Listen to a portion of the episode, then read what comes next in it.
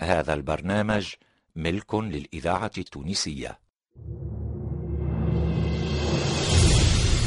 مؤسسة الإذاعة التونسية. مصلحة الدراما تقدم. لقد رن في فؤادي صدى الوصية التي أوصاني بها الرسول صلى الله عليه وسلم. صلى الله عليه وسلم. فما ينبغي أن أرفع سيفي في وجه مسلم. وما كان لمؤمن أن يقتل مؤمنا إلا خطأ. ليس دوري اليوم أن أقتل. بل أن أعترض ولن أعتمد السيف أداة للتغيير والتقويم بل سأعتمد الكلمة الصادقة الأمينة المستبسلة الكلمة العادلة التي لا تضل طريقها ولا ترهب عواقبها. الصحابي الجليل أبو ذر الغفاري. أبو ذر الغفاري مسلسل من تأليف المنجي الطيب الوسلاتي إخراج أنور العياشي. على طريق مكة التجاري إلى الشام ولد في قبيلة غفار في تاريخ غير معلوم.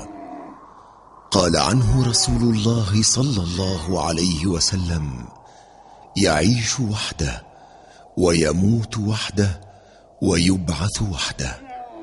إنه أبو ذر الغفاري.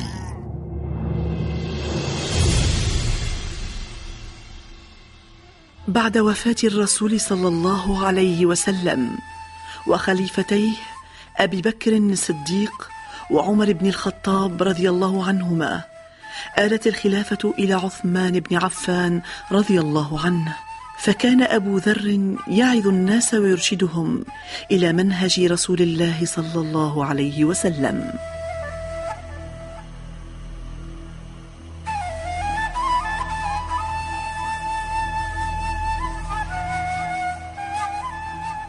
بسم الله الرحمن الرحيم. أيها المسلمون بعد وفاة الرسول صلى الله عليه وسلم. صلى الله عليه وسلم. وخليفتيه أبي بكر وعمر بن الخطاب رضي الله عنهما. رضي الله رضي الله عنه. آلت الخلافة اليوم لعثمان بن عفان. وإني أدعو كل صحب رسول الله صلى الله عليه وسلم عليه وسلم. إلى الوقوف إلى جانبه ومساندته في مهمته الصعبة. ونعم الدعوة يا أبا ذر. يا معشر المسلمين الخوف كل الخوف من التحولات التي بدأت تطرأ على بعض الولاة خاصة أبا سفيان. فقد رأى في تولي أمير المؤمنين عثمان الخلافة فرصة ليستعيد بنو أمية المكانة الأولى التي فقدوها منذ فتح مكة. فقد روالي عمار بن ياسر أنه مباشرة بعد مبايعة عثمان دخل داره ومعه بني أمية فقال لهم أبو سفيان وكان قد كف بصره أفيكم أحد من غيركم؟ قالوا لا قال يا بني يا بني أمية تلقفوها تلقف الكرة فوالذي يحلف به أبو سفيان ما زلت أرجوها لكم ولتصيرن إلى صبيانكم وراثة فانتهره أمير المؤمنين عثمان وساءه ما قال. ومن هذا الذي ينتقد أبا سفيان؟ إنه أبو ذر صاحب رسول الله وكانت له مكانة ومنزلة عند رسول الله صلى الله عليه وسلم. الله عليه وسلم. إذ كان الرسول يبتدئ أبا ذر إذا حضر ويفتقد إذا غاب. دعونا نستمع الآن لما سيقوله. يا معشر المسلمين علينا أن نتوجه إلى معاوية بن نصح. ومن أنت أيها الخاطب فينا؟ أنا جندب بن جنادة الغفاري. هلموا إلى أخ ناصح شفيق. قد دعوتنا فانصح لنا. لو أن أحدكم أراد سفرا لأعد فيه من الزاد ما يصلحه. فما لكم لا تزودون أنفسكم لطريق القيامة وما يصلحكم فيه؟ كيف نتزود لذلك؟ يحج الرجل حجة لعظام الأمور.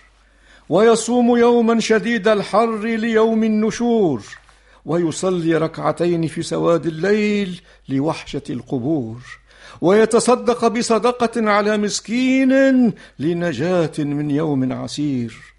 يا ابن آدم اجعل الدنيا مجلسين مجلسا في طلب الحلال ومجلسا للآخرة ولا تزد الثالث فإنه لا ينفعك. واجعل الكلام كلمتين كلمة للآخرة وكلمة في التماس الحلال والثالثة تضرك. واجعل مالك درهمين درهما تنفقه على عيالك ودرهما لآخرتك والثالث لا ينفعك.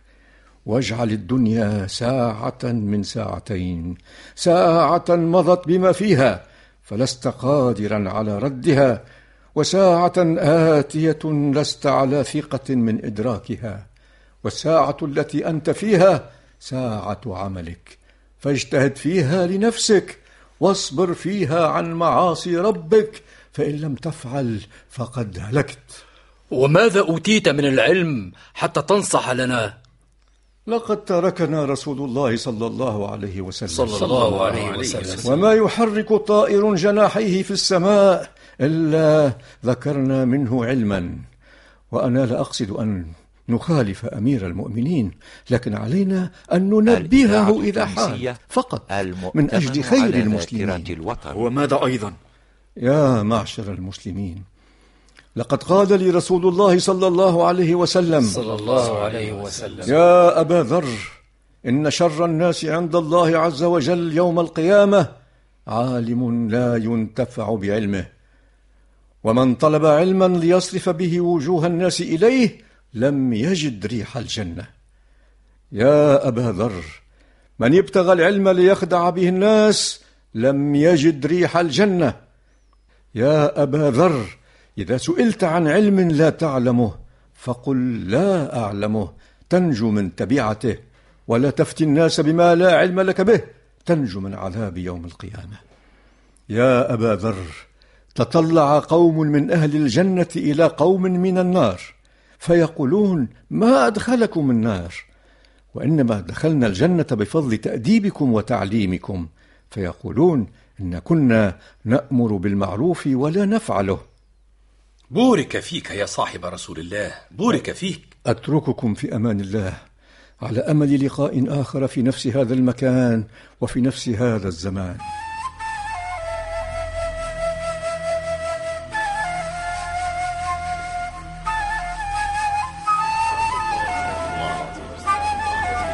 سبحان الله سبحان الله سبحان الله سبحان الله.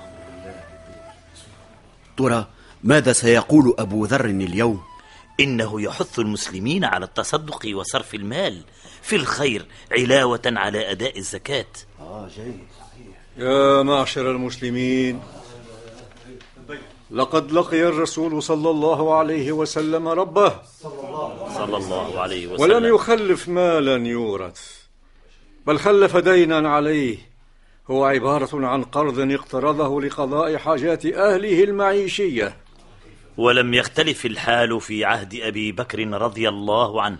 فعلا رضي الله عنه لم يختلف الحال كثيرا في عهد أبي بكر رضي الله عنه. من منكم لا يتذكر كيف منع الجند الفاتحين من امتلاك الأرض الزراعية المفتوحة في مصر والشام والعراق؟ وقرر جعلها ملكية عامة لبيت مال المسلمين. يفلحها سكان البلاد الأصليون ويصرف من خراجها في مصالح الدولة وإصلاحاتها. وكذلك عمر بن الخطاب رضي الله عنه. وكذلك الفاروق عمر رضي الله عنه. الذي اشتد على عماله وولاته فكان نموذجا في التقشف والاقتصاد.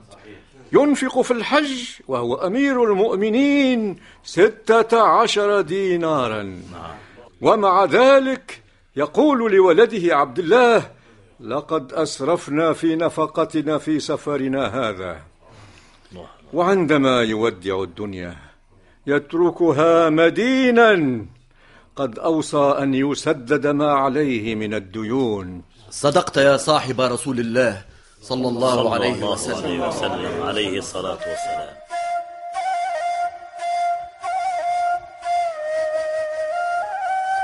دأب أبو ذر في كل يوم بعد صلاة العصر على وعظ المصلين مذكرا بتعاليم النبي صلى الله عليه وسلم حاثا على تجنب البذخ في العيش وتوزيع مال المسلمين على كافة فئات المسلمين بالتساوي.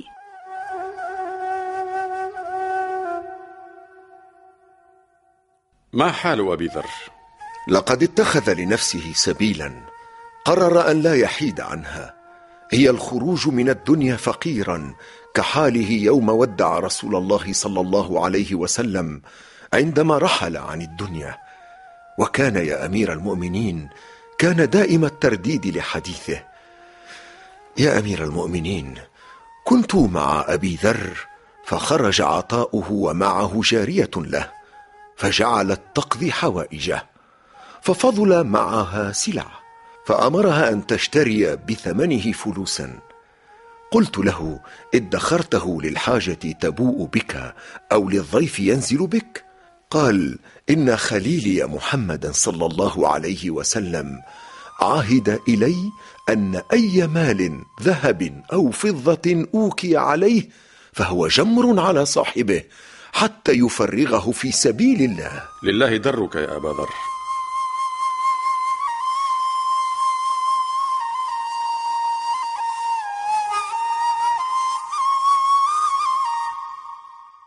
ماذا يريد مني أمير المؤمنين يا ترى. آه قد وصلت. السلام عليكم.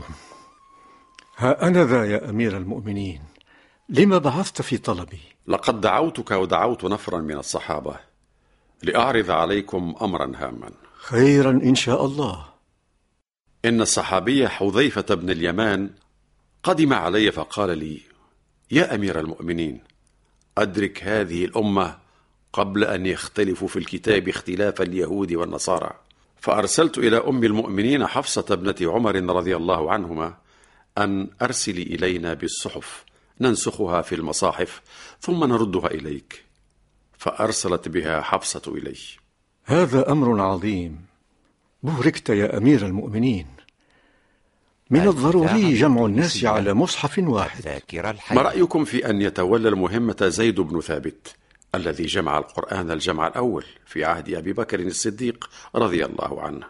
وأرى يا أمير المؤمنين أن ينضم إليه عبد الله بن الزبير وسعيد بن العاص وعبد الرحمن بن الحارث بن هشام. ونعم الاقتراح. إذا على بركة الله. وإذا اختلفتم في كلمة أو كلمات فاكتبوها بلسان قريش فإنما نزل بلسانهم. وبعد نسخه يا أمير المؤمنين. نرسل إلى كل إقليم مصحفا. ونعم الرأي يا أمير المؤمنين. كنتم مع مسلسل أبو ذر الغفاري. بطولة محمد المصمودي علي الخميري أنور العياشي سندس حمو محمد الهادي الصغير محمد الجريجي ومحمد الحبيب بالحارث